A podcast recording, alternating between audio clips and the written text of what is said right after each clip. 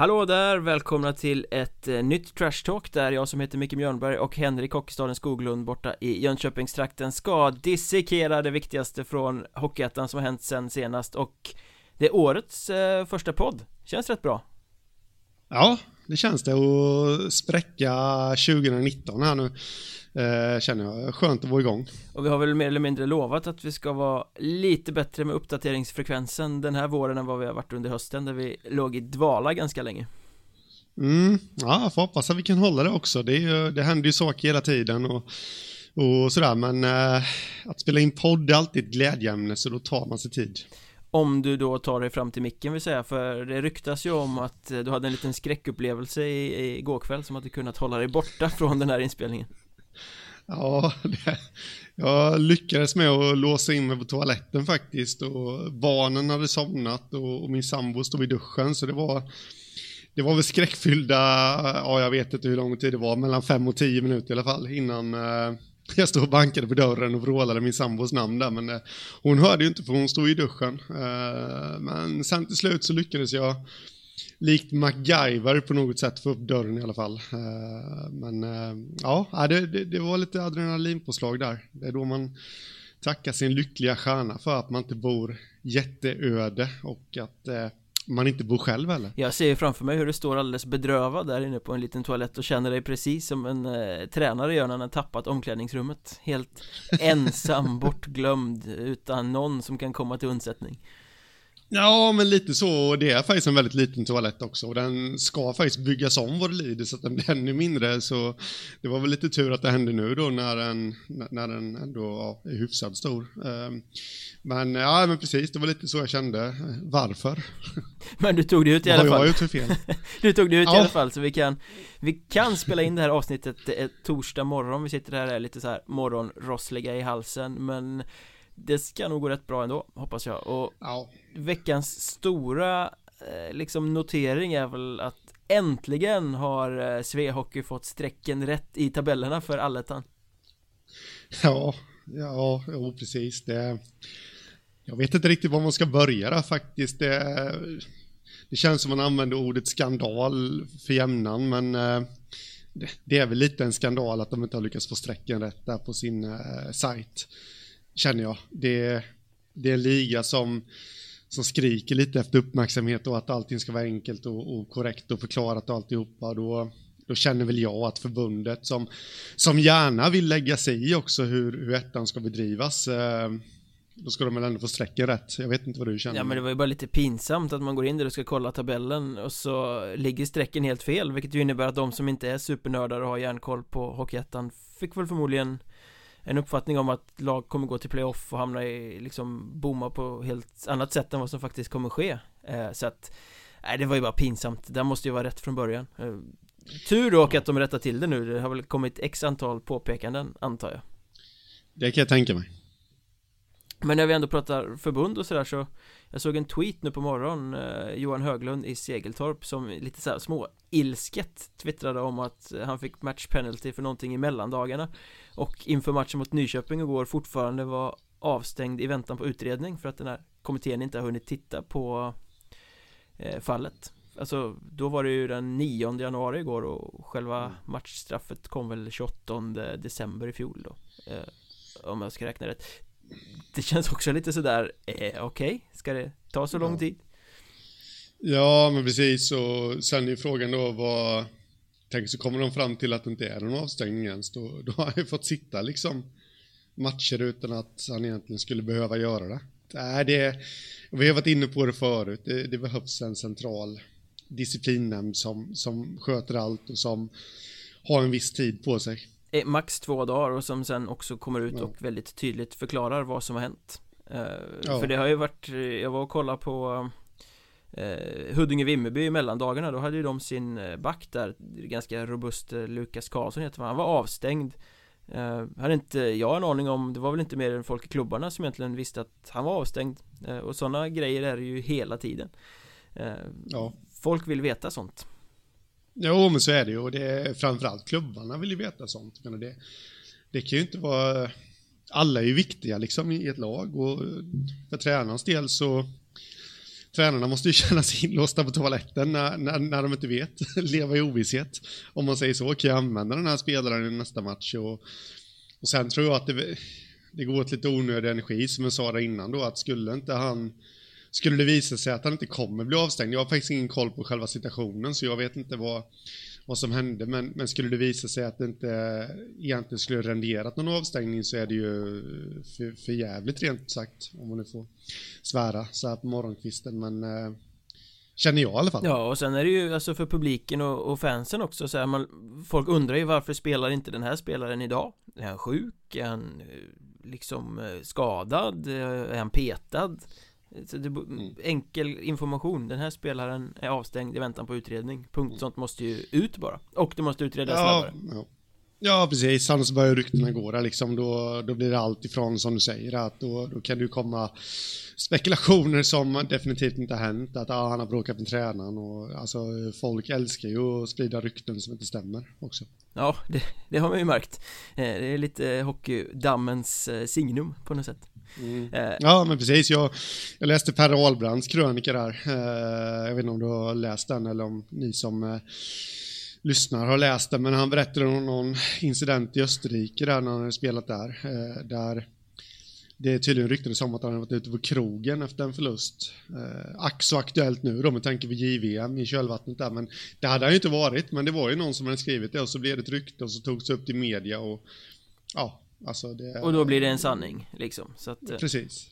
Transparent måste det vara från början Från de ansvariga håll då.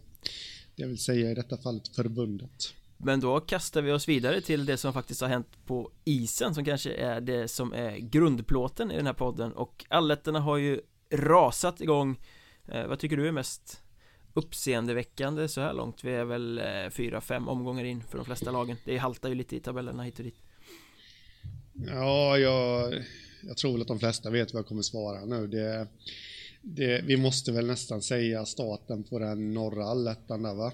Som, eh, som har varit mest uppseendeväckande, känner jag. Att, eh, att eh, Väsby är i topp. Ja, Väsby toppar, Boden är tvåa. Den hade väl inte särskilt många haft på sin oddset-lapp innan, det får man väl säga. Samtidigt som alla tre stora seriefavoriter har hackat lite mer eller mindre i, i upptakten. Så att norra har ju börjat på ett eh, väldigt roligt sätt Egentligen, alla har slått alla utom Väsby då som Eller Väsby, Vännäs menar jag såklart som inte har tagit någon poäng än tyvärr. Nej, nej det har de inte gjort. Uh, ligger sista, lite oväntat faktiskt ändå. Jag trodde att de skulle gå lite, nu har det spelats, ja, vad är det, fyra, fem omgångar, men jag trodde ändå att de skulle gå lite, lite starkare i, i inledningen så, men eh, nej, men precis som du säger att eh, jag menade, jag hade inte förväntat mig att hitta Piteå så långt in i tabellen.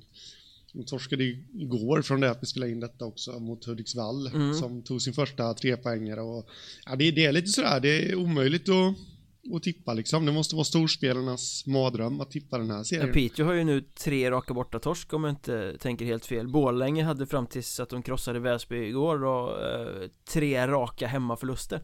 Eh, mm. Hudiksvall åkte på däng båda matcherna mot Östersund i mellandagarna. Men det har ju startat väldigt intressant när eh, seriefavoriterna inte kommer in med den pondus som man faktiskt trodde att de skulle göra. Och i, mm. Pit i Piteås poängskörd ligger ju egentligen eh, också då två mellandagssegrar mot Vännäs som ju har visat sig vara stryklaget så här långt. Eh, mm. Så det är ju inte heller egentligen ett bevis på någon styrka de poängen. Nej, nej precis. Nej, så det, det blir ofantligt intressant att, att möta, eller möta, äh, följa. Och nu till helgen så så har vi Boden Väsby också, ettan och tvåan. Alltså, det är seriefinal, tidig sådan och som kan rycka åt sig lite. Något av lagen kommer ju rycka åt sig något försprång känns det lite som. Det är ju faktiskt rätt uppseendeväckande om man tittar på eh, de fyra seriesegrarna då vi har, vi har ju Piteå, Hudiksvall och Borlänge i den norra serien och vi har Vimmerby i den södra serien Just nu för tillfället så här fyra, fem matcher in i allting så ligger ingen av grundseriernas seriesegrare topp tre utan Nej. skulle tabellen frysas nu så skulle alla tvingas in redan i playoff 1 mm, ja. ja, det är uppseendeväckande faktiskt Det trodde man inte uh, vad tror du att det beror på då? Har de underskattat motståndet eller vad? Ja, alltså de, delvis så tror jag ju att eh, det kommer en extra press av att du vinner en serie, att du blir så här håsad som du, du faktiskt blir. Jag menar Borlänge, de förlorade bara en match på ordinarie tid i västra serien, gick fram som en jävla ångvält. Eh, snackade en stund med Dennis Hall därefter att de hade torskat två raka hemma i förra helgen med, mot Kalix och Boden. Han sa att det var liksom spelet satt men det var lite prestationsångest på många händer. Alltså Många la lite för hög press på sig själv eftersom de har de här förväntningarna på sig nu och så tror jag det kan vara i många fall här liksom. De har varit sådana suveräner eh, Och nu blir de laget att slå och nu finns det ju inte de här lätta matcherna heller utan nu är det ju svårt motstånd varje kväll och det lider väl Hudiksvall av också. De förlorade också bara en match eh, mot ett bra lag Huddinge då i grundserien och nu ska de in och matchas, matchas, testas eh, hårt varje kväll. Jag menar i grundserien så de krossade ju inte det sämre motståndet heller, de gjorde vad de skulle bara. Eh, Så att det är väl lite, en liten chock för dem att komma in här och vara, vara tvungna att liksom matcha upp på topp varje kväll eh, Och mm. leva under förväntningarna som med all rätt kommer på dem. Ja, ja, ja precis. Nej, det är inte lätt att vara jagad faktiskt. En annan grej som jag tycker är rätt intressant är ju om man då tittar på den eh, södra allettan här så att det är ju fyra lag i, på de fyra första platserna där Kristianstad, Tranås, Kallinge och Troja som fortfarande inte har förlorat under ordinarie tid. Mm. Nej, precis. Uh, däremot så känns det ju ändå inte som att ja, ska man säga, eh, kanske då Troja framförallt eh, imponerar. Verkligen inte. Ja, men, det, ja, nu har jag lite dålig koll där, men har de förlorat? De har förlorat någonting i alla fall efter förlängning eller straffar och så har de vunnit lite efter straffar och sånt där, men, men det är bara en seger på ordinarie tid. Eh, så ja, någonting hackar ju och det var väl Grums de fick vinna över på straffar också. Mm. Alltså superjumbon Grums som tog sin första poäng. Som hade gjort ett mål på tre matcher eh, inför den matchen. Ja, ja så någonting hackar ju i Troja också. Eh, som jag, även fast de är obesegrade på full tid så skulle väl jag ändå vilja säga att de underpresterar, hur konstigt den kan låta då. När man inte har förlorat efter 60 minuter, men det, det känns som att de hackar på ett negativt sätt just nu. Faktiskt. Å andra sidan så kan man ju då kanske eh, prata lite positivt om Kristianstad som ju i vanlig ordning är ett enda stort kaos med spelare in, spelare ut, spelare hoppar av, spelare blir skadade Eh, de har ändå radat upp fyra raka segrar här i öppningen av allettan Svåra matcher också, de har haft Huddinge och Troja på bortaplan ehm, Vilket ju har renderat i två segrar också Ja, ja precis, nej de eh, jag ska inte säga att de imponerar, men de överraskar lite eh, på mig ändå. Just med tanke på, på det här att det är lite kaos ut och in och spelare lämnar och, och liksom, och de plockar in nya hela tiden och sånt där. Så det, det, ska bli väldigt intressant att se hur långt det här bär. Eh, kommer de stå eh, distansen ut? Kommer de vinna serien? Kommer de, eller ifall de går till playoff, då kommer de kunna liksom vinna de här tuffa playoff-matcherna?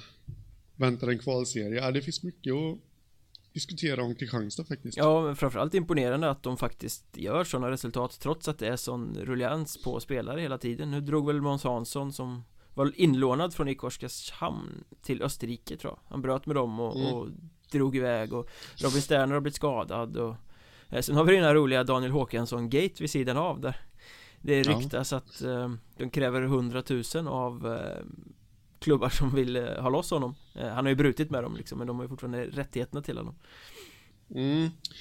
Ja, där är jag väldigt, alltså, där är jag väldigt kluven. För, först och främst så Daniel Håkansson vill man ju se in action. Alltså, det är en spelare som jag älskar att titta på liksom, när han, han är teknisk och det är ett geni på något sätt. Och han skulle bli en tillgång för vilket lag som helst som man går till. Eh, eh, och där, där, är jag helt säker eh, i, i, min tro. Men eh, det här med att eh, det är klart att klubbarna ska ha betalt ifall en spelare väljer att bryta kontraktet. Men stämmer den här summan på 100 000? Vad, ja, nu vet vi inte ifall den stämmer, men, men om den gör det så var... Både du och jag har ju hört den av, från ja. olika håll av ganska ja. goda källor. Ja, ja precis. Så att det, det, finns ju fog för att tro att den stämmer och då undrar man lite vad är de här 100 000 för egentligen? Alltså vad, vad, för jag pratade själv med Mikael Gat och han sa ju att det, det kommer inte bli någon plusaffär för Kristianstad som han sa till mig så då undrar man lite vad, hur mycket har de lagt ut på honom egentligen? Mm. In, intressant soppa men, men, eh, om siffran stämmer eh, Man får ju nästan hoppas att den inte gör det eh, Men det finns ju ingen klubb i ettan eller någon annan klubb heller som skulle tycka att det var värt att lägga de pengarna på att köpa loss honom för Två månader max kvar av säsongen liksom Ja, nej, nej absolut inte. Jag menar var det inte så förra säsongen att Tanten hade klausuler att de släppte sina spelare, var det för 50 000 eller var det 150 000? Minns inte riktigt faktiskt. Men då, Ja, men då, ja, ja, det kan, det ringer nog en klocka att det var 150 000, men då, då var det en klausul i ett kontrakt där SHL-klubbarna då, alltså som har en helt annan ekonomi att röra sig med, kan slanta upp de pengarna. Jag tänker då på Olle Liss exempelvis, men, eh, men det är ju ingen som kommer betala 100 000 för Daniel Håkansson. Oavsett hur bra han än är så är han liksom kanske inte riktigt aktuell för SHL-klubbarna. Nej. Och det finns ju just nu liksom att jag skulle tänka mig allsvenskan, men det är ju ingen som vill dra den chansningen heller. Såvida de inte får honom på ett långtidskontrakt, men vågar man chansa på det, det heller? Det finns ju inga liksom? pengar i allsvenskan heller. Nej, nej. Så att, eh, ja, det, det, det är en rävsax som befinner sig i och stämmer de hundratusen så fattar jag inte riktigt var, var de kommer ifrån. Eh, det, det, känns orimligt faktiskt. Men du kallar Håkansson för geni eh, Det kanske vi ska säga om Charlie Franzén just nu också då För det känns lite som ett genidrag att han i Kriff nu till allettan har satt ihop Sebastian Magnusson, Daniel Andersson som ju lirat ihop hela Eh, eller långa stunder av grundserien i alla fall med Stefan Söder eh, De har blivit en riktig superkedja för KRIF där som ledde dem mot Vimmerby senast Ja han har hittat en vinnande melodi där, eh, Challe, faktiskt. Och det kanske är det som är melodin för Kallinge då, att de har en första kedja som, som driver dem. Eh, det är lite olika det där, ska man ha ett brett lag som där alla kan kliva fram varje kväll? Eller ska man ha en kedja som går i bräschen varje kväll? Och jag tror att bägge varianterna funkar rätt bra. Men det, det är kul att de har hittat sin, det är ju en, eh, vad ska man säga, eh, det är ju en stor kedja också. Eh, om, om folk nu förstår mig rätt här. Bjässarnas alltså, eh, ja. paradis. Nej, men... jag, jag, jag, kan tänka mig att de är lite småjobbiga att möta också. Ja, det, det är som att åka in i en mur. Ja men tyngd och kraft och allting liksom. Alltså, de hade ju något mål de gjorde där när Sebastian Magnusson åkte in och ställde sig i, i fejan på Thomas Rydén Det var ju som att det stod 15 man i hans ansikte liksom. Han såg ju inte ett skit Nej, nej, precis. Men Magnusson Andersson spelade ju ihop med Adam Hirsch långa stunder i grundserien och jag tyckte att det var bästa kedjan då men Det är nästan som att det blir ännu bättre nu när man stoppar in Stefan Söder där med Med de egenskaperna han har så det där kan ju bli en sån eh, Line som vi kommer prata mycket om om de får fortsätta tillsammans eh, Vilket ju vore mm. konstigt om de inte fick med tanke på hur vassa de har varit nu Jag menar där har du ju liksom ja, där nej, tyngden, kraften, målsinnet, spelsinnet, finessen, allting finns i den linan mm. Ett annat geni eh, som vi kanske ska eh, lyfta är väl Marcus Persson i Borlänge om vi tillåts hoppa tillbaka till den norra allettan. Eh, Alltså han har gjort mål, Borlänge har gått rätt kass eh, i början men han har gjort mål fem matcher i rad och åtta mål sammanlagt. Trots ganska omild behandling långa stunder. Eh, ja. Vad säger man om det? Ja, men, ja, vad man säger om det, det är väl egentligen bara att det är en allsvensk spelare. Alltså, lite för bra för, för ettan, eller för bra men... Mycket ja, för bra skulle jag säga. Ja. Men eh, det, det är ju bara att gratulera Borlänge till att de har honom i sin trupp liksom. Det... Ja, hur hade det sett ut tabellmässigt om han inte hade varit med i laget? Kan man ju spekulera ja, det kan man i. fråga sig. det kan man fråga sig faktiskt, men det nej, men jag, jag tycker det är kul. Jag, jag, tycker det är kul när eh, när ett lag kan vaska fram en sån så pass dominant spelare som liksom gör skillnad varje kväll. Eh, känner, jag. Eh, det är riktigt kul och det är också en sån här, man kan förespråka olika varianter och det gör jag också då med jämnt lag eller liksom någon stjärna men, men jag tycker att det är kul med de här stjärnorna också som tyvärr så är det lite så som du sa, han, han, han utsätts ju för lite omild behandling emellanåt och eh, vad händer ifall han blir skadad? Vad händer med Borlänge då? Så att, eh, mm, de är ju ett starkt kollektiv men det är ändå, ändå en väldigt intressant fråga. Om han faller ifrån, var, hur det påverkar dynamiken för nu är de ju, alla är medvetna om att han kommer ju göra mål. Eh, Så att de lever ju lite på det Hur mycket kollektiv de än är. Ja, precis. Så att eh, Nej, men det, det, är bara att hoppas att han eh, står distansen ut och kan vara sådär riktigt tunga på vågen liksom framåt eh, när det börjar vankas barmark och playoff-hockey. Och tror du förresten att Östersund tar sig dit till den här tiden? Det känns som att de har eh, hittat rätt nu till allettan och öppnat mycket starkare än vad eh, någonting de visar i grundserien. Ja, jag tänkte säga det förut att eh, de känns också lite som en skräll eh, när vi pratar om den norra allettan, att Väsby ledde och, och de här eh, tänkta topplagen sladdar lite, så känns Östersund som en skräll som har liksom, ja, kommit igång här nu eh, rejält. Stark defensiv också. Och eh, sköna spelare som har klivit fram, framåt och börjat göra mål också.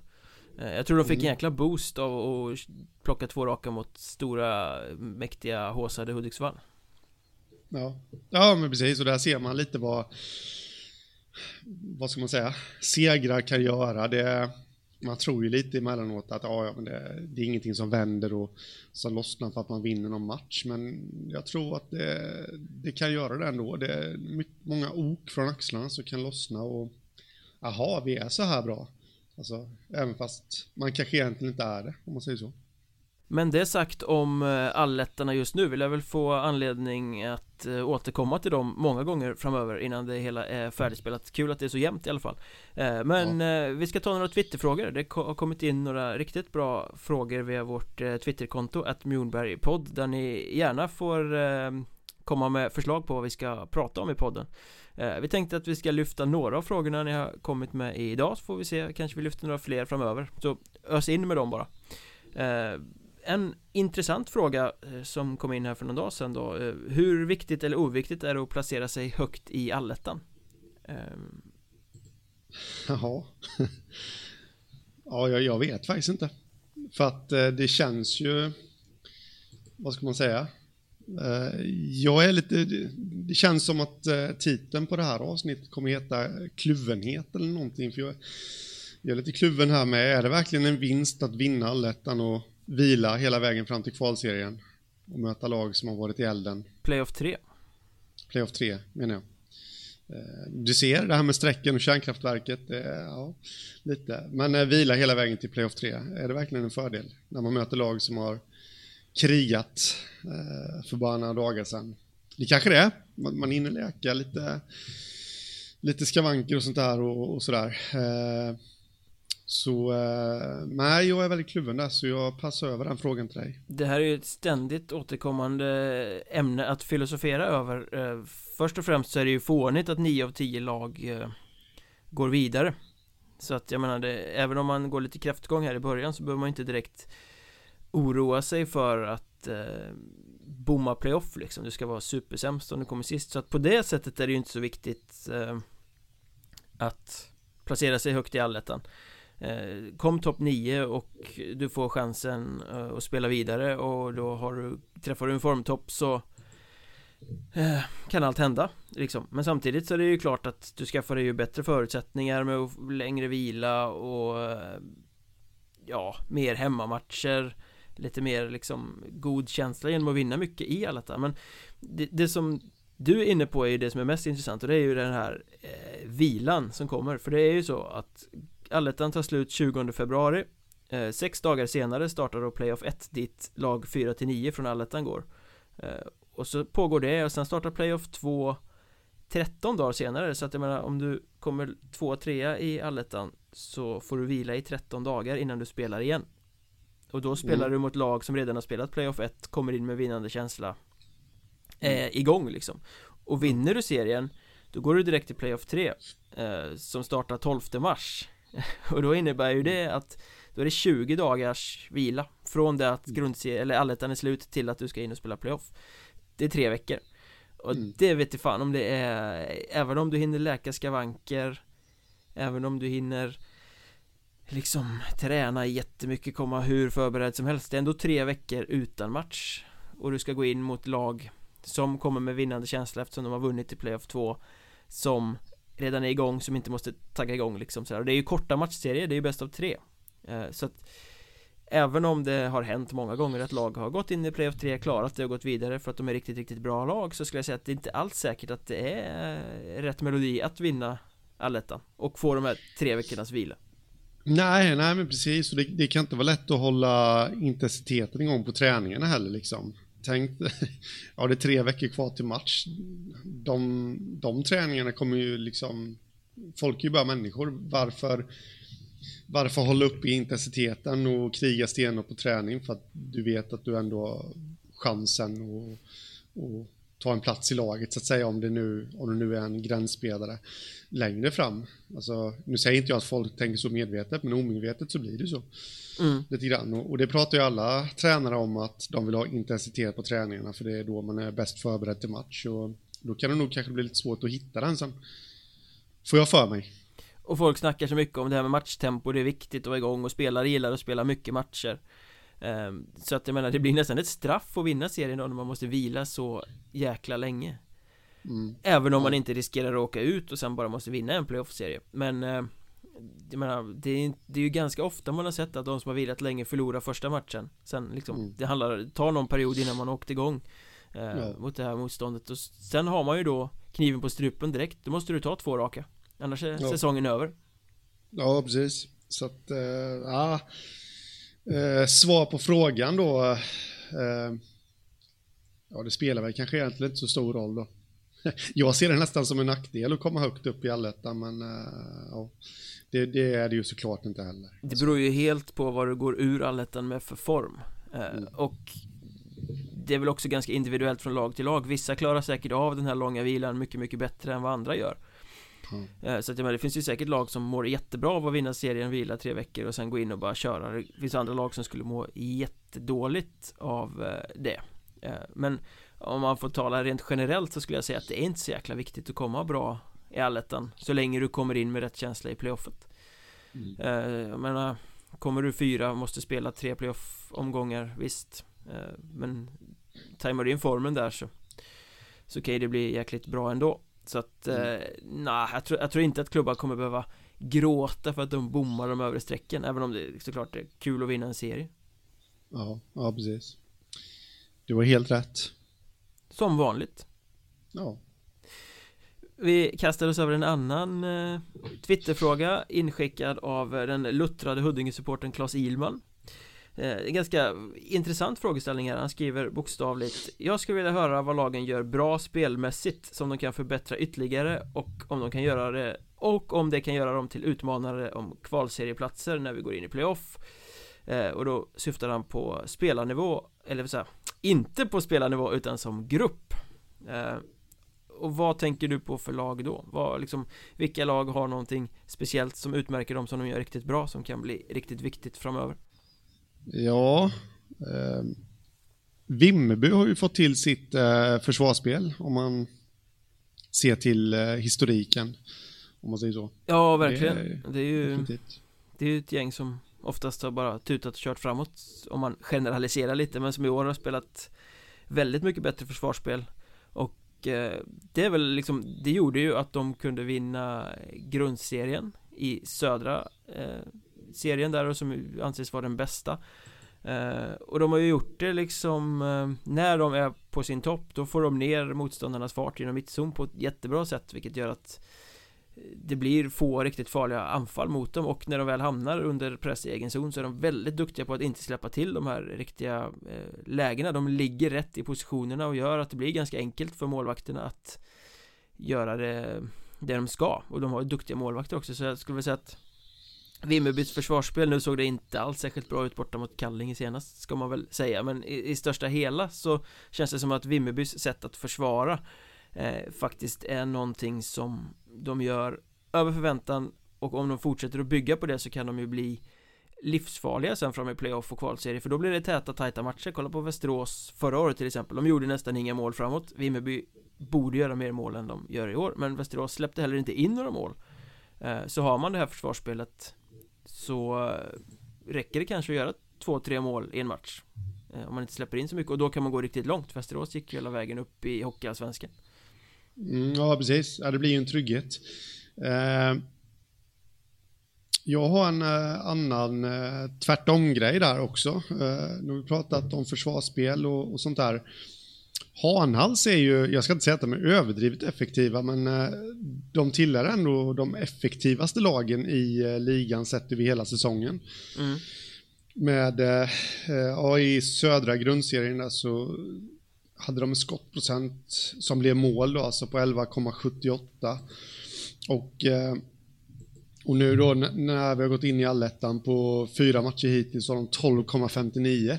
Det är också en slags eh, trygghet. Nu, nu, har de släppt in rätt mycket mål. Eh, de, ja, de, har läckt lite här i inledningen då, men en trygghet definitivt att de vet att vi gör mål på våra chanser.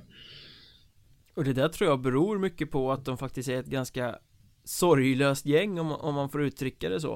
Eh, men de är ju ett skickligt lag, de är ett väldigt underskattat lag på det sättet att de har betydligt mycket mer skickliga anfallsspelare än vad de, eh, vad folk tror Det är bara att de har liksom mm. inte gjort sitt avtryck och satt sitt namn på Hockeyettan-nivån eh, Vilket de ju håller på att göra den här säsongen Men det jag skulle säga är, som Hanals gör riktigt bra och som kan göra att de blir framgångsrika faktiskt i ett playoff. Nu tror jag väl kanske inte att det kan räcka till en kvalserie om de inte fixar till försvar och sånt där. Men, men deras stora styrka och det som de gör bra som grupp är att de ber inte om ursäkt för sig någonstans. De är sorglösa, de bara tutar på. De mm. hamnar i underläge 4-1 borta mot eh, Tranås Men de är nära att hämta ikapp ändå liksom. De möter stora tuffa lag i grundserien i söder Där de inte alls är med i någon allettan diskussion Men de tutar på de vinner matcher, de hamnar i underläge, de vänder De liksom De skiter i vad som står på andra sidan Det känns som att Hanhals inte tänker De låter bara sin offensiva skicklighet flöda och så räcker det ganska långt utan att, Så de ber inte om ursäkt för sig Nej, nej precis. Och en sak eh, värd att ta med i beräkningen också där, det är ju att eh, de har ju flugit under radarn hela säsongen, i stort sett under hela grundserien. Så har de ju faktiskt gjort det, det var ingen som räknade med honom alls. Men det har ju faktiskt pratat, om vi nu pratar Hockeyettan mått mätt, så har det pratats rätt mycket om dem, känner jag, eh, sen de blev klara för allettan, men det har ju inte, det är inte så att de har fått skalle. För att väva in på det här som du säger om sorglöst gäng då, att Okej, okay, vi underskattade, vi kör. Okej, okay, nu börjar folk prata om att det är skitsamma, vi kör liksom. Det, det är också en styrka på något sätt. Och jag har ju sagt det förut i den här podden, men eh, Niklas Högberg, tränaren där, är nog en eh, riktigt bra tränare på att få ihop gruppen och, och få dem att fokusera på rätt saker och, och liksom sånt där. Så att, eh, det tror jag faktiskt kan bli väldigt värdefullt för dem. Effektiviteten plus det som du säger då, att eh, sorglöst gäng de kan nog skrälla. Jag, jag, tror inte heller på någon topplacering där i, alltså topp tre i alletta, men de kan absolut eh, skrälla sig rätt långt i ett playoff, det tror jag faktiskt. Ja, det är ett lag som inte kommer darra i ett playoff. Nej, nej men precis och eh, väldigt kul också att Robin Karlsson, Nässjö-produkten där, han fortsätter leverera i, eh, i allettan också. Han ligger femma i poängligan här, två mål, fyra assist. Eh, han var ju en skräll han vann ju poängligan i den södra grundserien där och... Från ingenstans, det, han gör ju ja. sitt stora genombrott i år Ja, ja, ja Absolut, så att eh, det, ja, det är väldigt kul att se faktiskt Måste jag säga. Om vi lyfter två från den norra allettan också då så Det kan ju låta konstigt i och med att Borlänge har hackat som de har gjort eh, inledningen resultatmässigt Men jag tycker väl ändå att Borlänges sätt att försvara att de får stopp i spelet jäkligt snabbt och på så sätt kan vända och få eh, liksom väldigt vassa anfall har ju varit en vinnande melodi i grundserien som de till viss del har börjat få funka nu även i eh, eh, allettan alltså när de är på sin topp då får de stopp i spelet så jäkla snabbt att det mesta handlar om anfallsspel och de slipper hamna under press i egen zon och slipper spela det här krävande försvarsspelet det är väl en, en liten grej som gör att eh, de har varit framgångsrika och som när det funkar kan göra att de går väldigt långt eh, i vår också. Mm, ja, absolut. Jag är benägen att hålla med dig. Eh, jag säger inte emot där. Och det känns ju bara överlag som att eller känns, det ska man inte säga att det känns, alltså det vet vi att de har ju en inneboende potential. Men det är ju knappast så, så de krossade ju den västra ettan.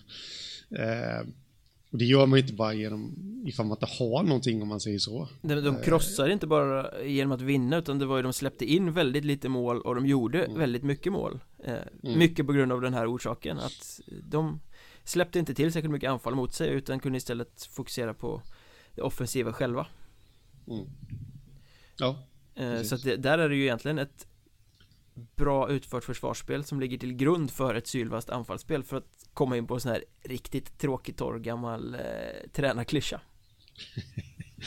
Du, du lät nästan som eh, den gamle nestorn Lasse Falk där. Uff, Nu får vi lägga ner den här podden känner jag. Det var inte bra för min image det där. Ja men det, det Han hade sina poänger också Eh, sen måste man väl eh, lyfta Boden här också om man ska prata om eh, lag som har ett, eh, ett tydligt sätt att spela, en tydlig identitet. Eh, För att de spelar ju extremt intensivt eh, På den berömda gränsen sådär, de ligger på, de checkar hårt, de ligger på motståndarna. Och det är ju inte en slump att det oftast blir lite grinigt i de matcherna där de spelar.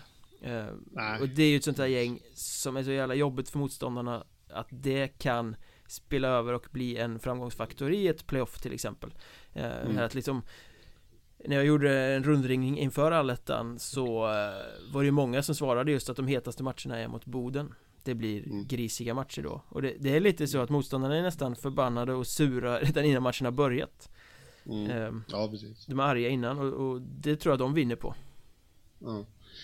En sak som slår mig lite grann med, med Boden här också som, som vi också ska ha med i beräkningen. Eh, dels då att de spelar som de gör, ligger på gränsen där.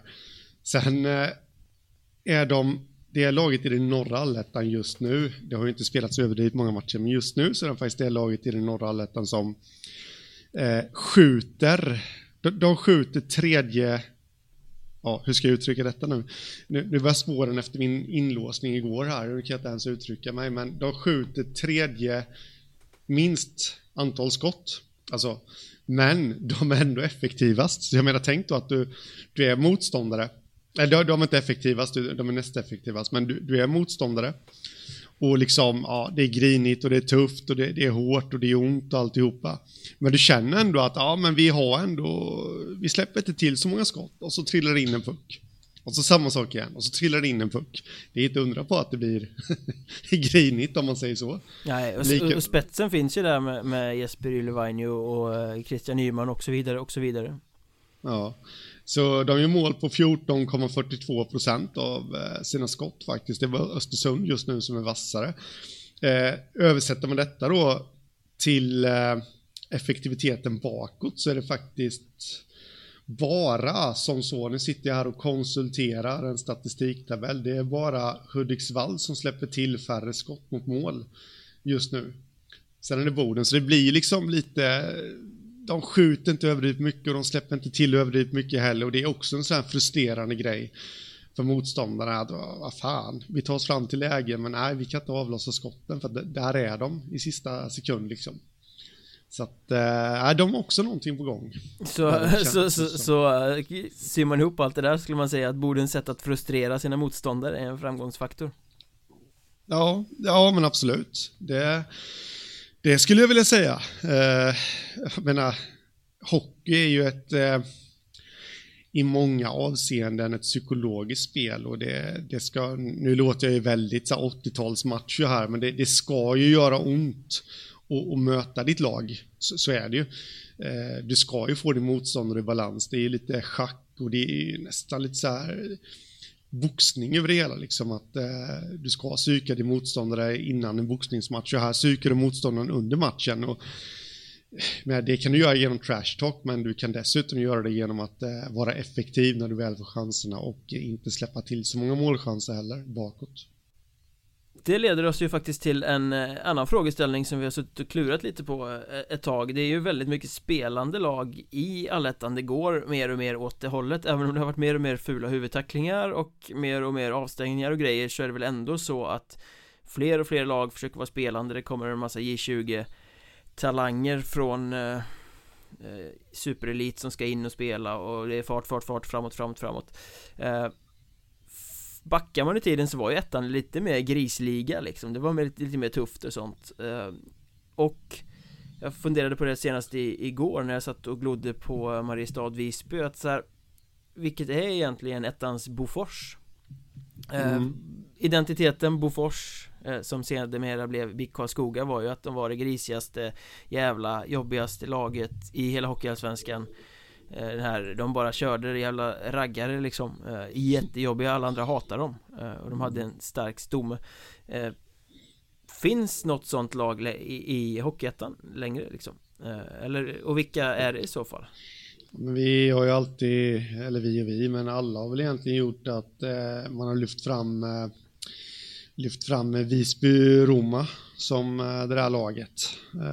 lite, men det känns ju även lite, och det säger de ju själva, att det kanske är väldigt mycket gamla meriter också. Alltså de, de är tuffa att möta allt det där, men kanske inte är ett grislag. De, de vill inte riktigt skriva under på det, även fast de har hög svansföring och, och tycker att de är tuffa att möta sådär. Men det, det känns lite tråkigt att bara svara dem hela tiden också. Så eh, jag menar, det är ju bara att kolla utvisningsstatistiken om, om man kör på den norra allettan då. Eh, det är ju Boden som drar på sig väldigt många utvisningar men ändå vinner sina matcher.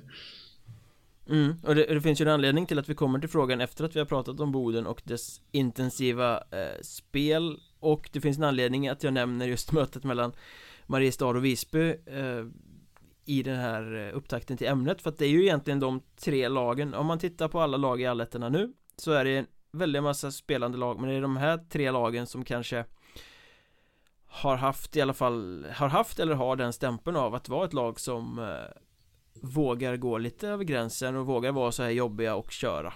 Alltså ett sånt här lag som folk både älskar och hatar på samma gång på något sätt. Mm. eh, där kan väl jag tycka att Mariestad har börjat radera ut sig själv lite från den eh, kartan på något sätt. De har blivit mer och mer ett eh, spelande lag och tagit in skickligare och skickligare spelare och kanske tappat lite av det här eh, Alltså fula, eller jag vet inte vad jag ska kalla det Men liksom den här raggaridentiteten som gjorde att för, för några säsonger sedan så var ju Mariestad sin series Bofors. Det var inget snack om det, nu är de lite finare i kanten kan jag känna.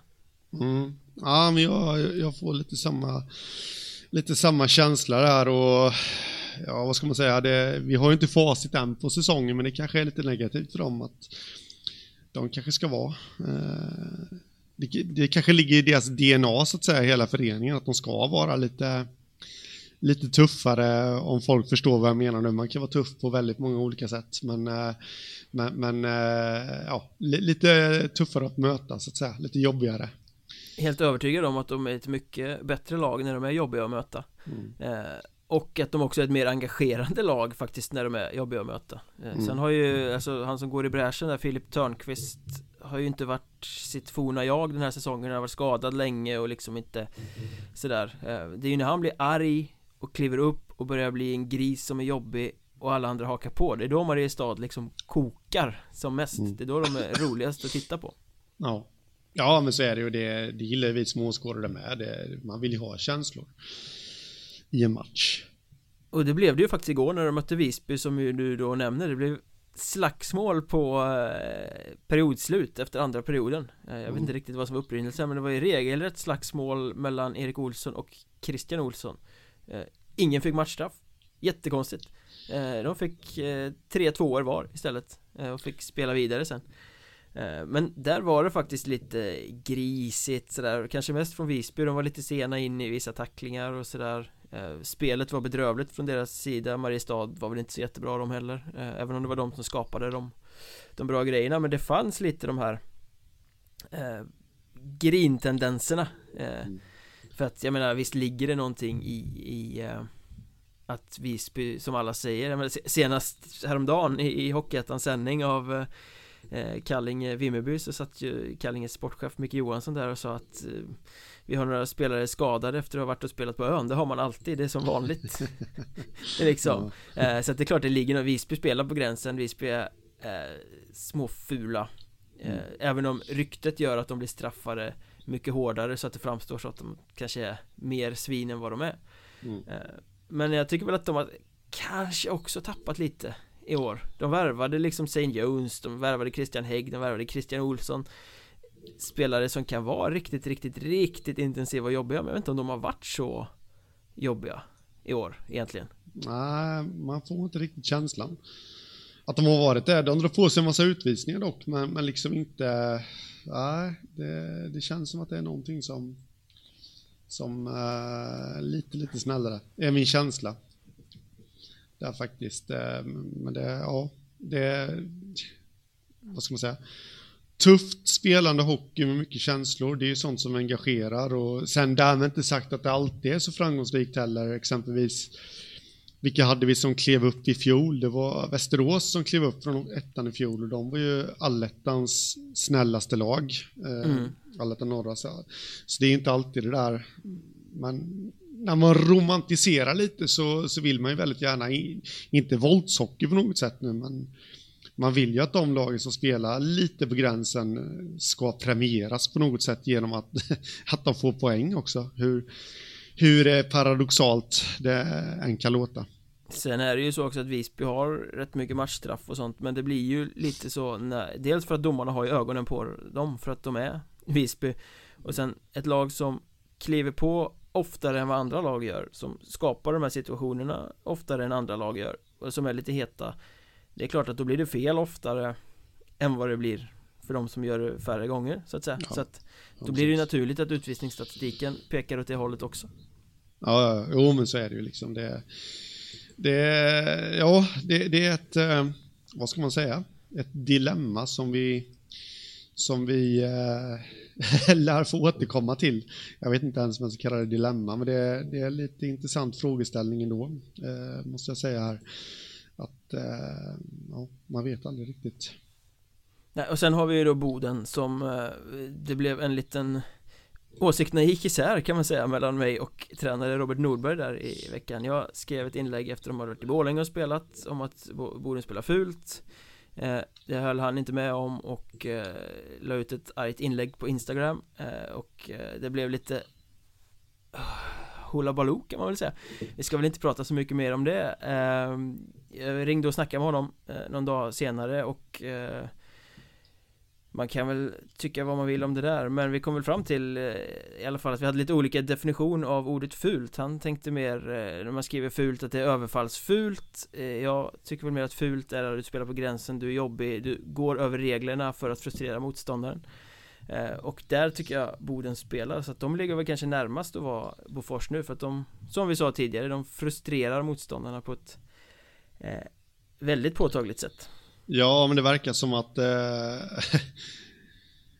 och detta säger jag i lite positiv bemärkelse nu då, eh, så att alla förstår det. Men det verkar som att deras adrenalinpåslag överlag i den klubben ligger rätt högt upp faktiskt. Eh, och pikar på rött konstant. Så att... Eh, läste man den krönikan där eh, med, med, som avhandlade fulhockey så så var det nog ingen som såg det där som något negativt egentligen. Eh, faktiskt, utan det, det är ju ofta liksom lag som ligger på gränsen når ju framgång. Kolla Malmö på 90-talet, början på 90-talet. Det var, var väl ju... väldigt mycket över gränsen Var ja, inte då... då den här gamle backen Robert Svela satt och pucklade på någon i huvudet ovanpå någon på isen? Va? Mm, ja det kan det nog ha varit eh, Jag vet HV nådde ju framgång När de hade Lance Ward och Gentin och Ledin i, i samma uppställning liksom och och liksom... Eh, Ledin som passande nog är i Boden nu. Ja, just det, det är han ja. Det, du ser ju, nu har jag till och med glömt bort det. Affischnamnet. Uh, härvid. Värva Per Ledin till Hockeyettan, det hette till och med ett poddavsnitt för uh, mm. något år sedan, två år sedan mm. kanske. Vi är väldigt mycket före vår tid. Ja, du får ta åt äran på den faktiskt. ja, ja. Sitta här, klappa mig på magen. Av stolthet. Ja, men i alla fall så kan jag väl konstatera att det är ju om det är några lag eh, som ska kunna spela den typen av hockey och bli framgångsrika med det så är det Boden, Visby och Mariestad. Eh, Jag ser ju inget annat lag som är i närheten. Nej, nej, det, nej, nej men precis, de, de har ju lite, som jag var inne på det innan, det ligger väl lite i DNA också liksom att, att eh, att kunna spela så över gränsen också. Det är ju det är en konstart i sig. Om man säger så. Och det där är också viktigt med en identitet på det sättet Som vi pratade om med Mariestad till exempel Att de blir inte samma sak om de tappar den identiteten Nej, nej precis uh, ja. I övrigt har vi, det har hänt lite spelargrejer och, sånt som vi kanske ska Ska lyfta fram um, vi hade en målvakt som plockades upp till NH, NHL, det var ju sensationellt SHL, Swedish Hockey League. Ja. Eh, David Elmgren ja, från eh, Från HC Dalen. Det var oväntat men, men eh, eh, ändå på något sätt kul. Det är ju en kille som har gått den långa vägen. Han har hunnit med att fylla 25 år och väl aldrig riktigt liksom varit den där självklara ettan under sin tid i Hockeyettan. Han har ju bara spelat i Dalen eh, på nivån så att säga då. Eh, men där, han har varit väldigt kompetent, alltså vunnit matcher och spelat bra. Inledde den här säsongen skadad. Eh, och Adam Ore kom in och storspelade i Dalen och där och då tänkte man väl att ja, ja det här kommer inte bli Elmgrens säsong direkt då. Eh, men sen känns det lite som att Ore sviktade i kombination med att Elmgren kom tillbaka och var enormt bra. Och eh, han har varit riktigt bra den här säsongen och därmed väl värt att han får den här chansen och, och det är ju det är ju lite liksom att man ska ju aldrig ge upp. Det är ju lite det, den känslan man får. Utlånad till Malmö under en match, eller hur blir det? Ja, två matcher. Två matcher, ja. Mm. Och med tanke på skadehistoriken där på Alsenfelt och Nilstorp. Nu är det ju Nilstorp han, han ersätter då för han, eh, han har precis har fått barn. Eh, men, eh, men det skulle inte förvåna mig om Alsenfelt går sönder här nu så Elmgren i alla fall får göra några minuter. Det skulle vara kul att se. Det är andra, andra gången under säsongen va, som vi ser en Hockeyettan-målvakt lånas ut till SHL det, Magnus Åkerlund var ju uppe med Färjestad tidigare under, eh, under hösten ja, ja, ja, precis. Då var det bara en match också och eh, eh, Ja men det är kul och eh, Vad ska man säga? Som jag sa innan, det visar att drömmen aldrig ska ges upp. Det var väl knappast någonting Elmgren hade räknat med när han vaknade i, ja det var i onsdags morse eller tisdags morse. Det där blir klart då va, men, eh, men eh, så det är kul faktiskt måste jag säga. Och det är också en effekt av den här lånebegränsningen i Hockeyallsvenskan Som gör att även SHL-klubbarna har fått titta mer mot eh, Hockeyettan den här säsongen mm. Ja. Ska bli, ska bli väldigt intressant att se vart allt det här tar vägen sen när den här säsongen sen utvärderas Om det här lånekaoset från ettan uppåt är någonting som klubbarna i Allsvenskan och SHL också vill bevara eller om man inser att fan det här var inte så bra mm. Ja det skulle bli väldigt intressant, det var ett litet instick där igen på Elmgren innan vi byter tag i det Det är ju det att eh, för målvakt så är det ju inte så vad ska man säga? Det är inte så jättestor skillnad egentligen mellan SHL och Hockeyettan. Eh, för att du släpper in samma skott som, i ettan som du gör i SHL. Det, det, kan till och med vara lite lättare i SHL för där, eh, där händer inte samma oväntade saker som det gör i ettan. Så att, eh, nu säger inte jag att, men, men där, jag tror definitivt att, att de håller en match, Hockeyettan-målvakterna i SHL, kanske till och med två, och kunna komma in och göra det väldigt bra. Eh, för de är bra skolare. Men eh, ja, med det sagt, det skulle vara väldigt intressant att se vad det här med, det måste ju nästan till något, känner jag. Med verkligen, lånen. verkligen, verkligen, absolut. Eh, på målvaktsspåret också Adam Schultz lånas ut från Skövde till Grums Där har det ju blivit en rätt lustig målvaktssituation För att det var ju Schultz och Viktor Andersson som slog som första spaden i Skövde i början på säsongen Viktor Andersson var precis på väg att ta den eh, Då blev han skadad borta sex veckor eller sju veckor eller vad det nu var då värvade de Hugo Fagerblom på korttidskontrakt som de sen förlängde och så plötsligt så Och då satte de ju bara på honom. Schultz fick vakta Båstör eh, och sen kom Andersson tillbaka och så satt de plötsligt med Tre målvakter. Mm. Eh, men nu är han liksom Schultz är den som blir över i Skövde som får minst förtroende och blir då utlånad uppåt i hierarkin till allettan till Grums. Det blir nästan lite ironiskt. Ja, jo men precis. Nej men eh någonstans så, så är det väl lite så också att eh, eh som jag sa där, det, det är väl helt och hållet beroende på vilket lag du spelar för och vilken slags målvakt du är och eh, Schultz kan ju mycket väl nu har ju inte Grums släppt in så här överdrivet mycket mål i allettan och släppt in 18. Eh, men Schultz kan ju mycket väl bli den som kommer in lite miljöombyte och bli den som eh, kommer in och spikar igen, mer eller mindre. Ja, alltså han har hamnat helt snett den här säsongen känns det som för det är ju en duktig målvakt så att det här kanske miljöombytet är nog viktigt och han kan ju studsa tillbaka. Förhoppningsvis då för, för hans skull för att det finns ju mycket där Ja, han gjorde det väldigt bra. Jag spelade väl två säsonger i Grästorp tror jag, om jag inte minns helt fel. Um, han gjorde väl sin bästa säsong i Grästorp när de hade Nikita Davidov. Ja, precis. Den, den ryska agenten. Ja, säsongen när Geek-TV åkte omkring och körde över stjärnor på parkeringen och sånt. ja, det, det, det, där var bara våra, våra fantasier, va? att de körde över stjärnorna på parkeringen. Eh, ska vi väl förtydliga. Någon körde över stjärnan på parkeringen i alla fall. Det Någon gjorde det. Oklart vem. men, eh, nej, men så han har ju visat att han håller i ettan tidigare. Och lite förvånande att han inte kom till sin rätt i Skövde, faktiskt måste jag säga.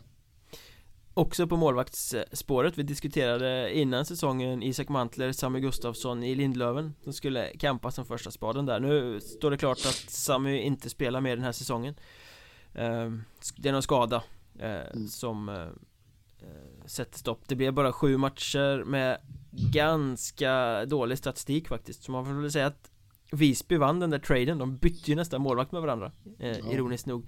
Eh, Marmelind har ju varit svinbra i Visby igår mot Mariestad var han ju lysande. Eh, Och Sam är då skadad efter sju matcher. Eh, mm. Vad tror du det betyder för Lindlöven? Ja, jag vet inte om det betyder något Vad ska man säga? Det låter ju nästan lite fräckt att säga det men eh, jag vet inte riktigt om jag känner att det betyder så jättemycket eh, ändå. Eh, jag tycker inte att eh, ja, vad ska man säga? Eller jag tycker inte, jag, jag tycker att Mantler har, har ju överglänst Samuel Gustafsson ändå. Mm. Och han är ju frisk, Mantler, så att nej, det betyder nog inte så mycket. Det, hade du frågat mig i somras så hade jag ju sagt att det hade betytt allt. Mer eller mindre, men eh, Gustafsson har inte riktigt kommit till sin rätt. Oklart varför. Eh, jag tror det så. kan vara bra också att ha den här spikraka vägen till första spaden för Mantle. För det är ju ja. han som har framtiden för sig och är här för att utvecklas och har gjort det väldigt bra. Ja, ja men precis. Så att, eh, nej det betyder nog inte så mycket. Det tror jag inte. Sen innan vi stänger ihop det här eh, Vi börjar närma oss den här perfekta timmen som vi vill ligga kring i de här avsnitten Så vi måste ju hylla en liten snubbe. Alltså för en vecka sedan hade du hört talas om William Johannesson? Nej Det hade jag inte gjort. Inte jag heller. Helt eh, liksom utanför radarn. Har inte gjort en match i Hockeyettan eh, Spelat med Hammarö i division 2 Gjort det, gjort det bra där liksom. Men sen klev han in För några dagar sedan Värvades till Forshaga Började spela sin första match i Hockeyettan borta mot Arboga Gjorde hattrick Liksom, mm. wow! Killen kommer från ingenstans Har aldrig spelat Hockeyettan, gör hattrick direkt mot Arboga som är ett rätt bra lag mm. Och så igår Malung Forshaga vinner med 4-3 efter förlängning Den här killen då, William Johannesson 2 plus 1 gör han Och det är han som avgör i sudden death Ja, så han har alltså 5 plus 1 på två matcher eh, och ett matchavgörande mål där då i sina två första Hockeyettan-matcher. Eh, Det är ju ganska imponerande. Ja, det måste jag säga. Och det är också ett sånt här härligt bevis på att det inte alltid behöver vara superelit och de här storklubbarna som är den rätta vägen eh, att gå. Eh, nu kan jag inte göra någon historik om honom, om han ens var, var, var påtänkt för, eh, för ett hockeygymnasium där när han var tonåring. Men han har ju lirat på hemma, eller hemma, men man har lirat på i Grums under junioråldern och Sen spelat i Hammarö i division 2 där och, och, nu då får han chansen. Det kan också vara ett sätt att utvecklas på. Som Ver ung, att spela med, med män, så att säga då.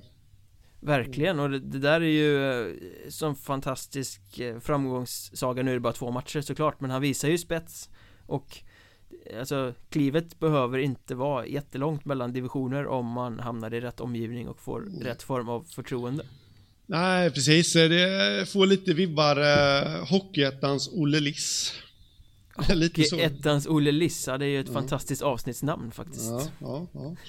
Det är så jag jobbar. Jag försöker jobba in rubrikerna här nu i, i live, eller på att säga. Det är ju inte live, hoppas jag, men, eh, men ja, jag tror alla förstår vad jag menar. Nej, men det är kul det ska bli väldigt intressant att se hur han, eh, om han kommer fortsätta och producera. Eller om han går på rus nu bara för att han har fått chansen i ettan. Vi kommer få anledning att återkomma till det i nästa avsnitt som vi hoppas eh, kommer ganska snart. Det finns ju som vanligt väldigt mycket att snacka om nu när det är hockey på riktigt i de här sköna allettan-tiderna. Mm. eh, Vi tackar för idag, säger att ni kan följa oss på sociala medier. Att Mjornberg heter jag, att Hockeystaden heter Henrik. Vi finns på Facebook, Mjornbergs Trash Talk. Ni kan kolla våra sajter, mjornberg.se, hockeystaden.se för gött om Hockeyettan Eh, och så om ni tycker att vi är bra, eh, vilket ni väl förmodligen tycker om ni har orkat lyssna så här länge eh, Då får ni gärna recensera oss i era poddappar så blir vi jätteglada för då kan fler hitta fram till oss för det är ju rätt många som är intresserade. Eh, Och med det sagt så har väl jag bara kvar att säga Lås inte in dig på dass till nästa gång så hörs vi framöver. Ja, eh, det gör vi och jag ska göra mitt absolut bästa för att undvika det. Ha det gött. Detsamma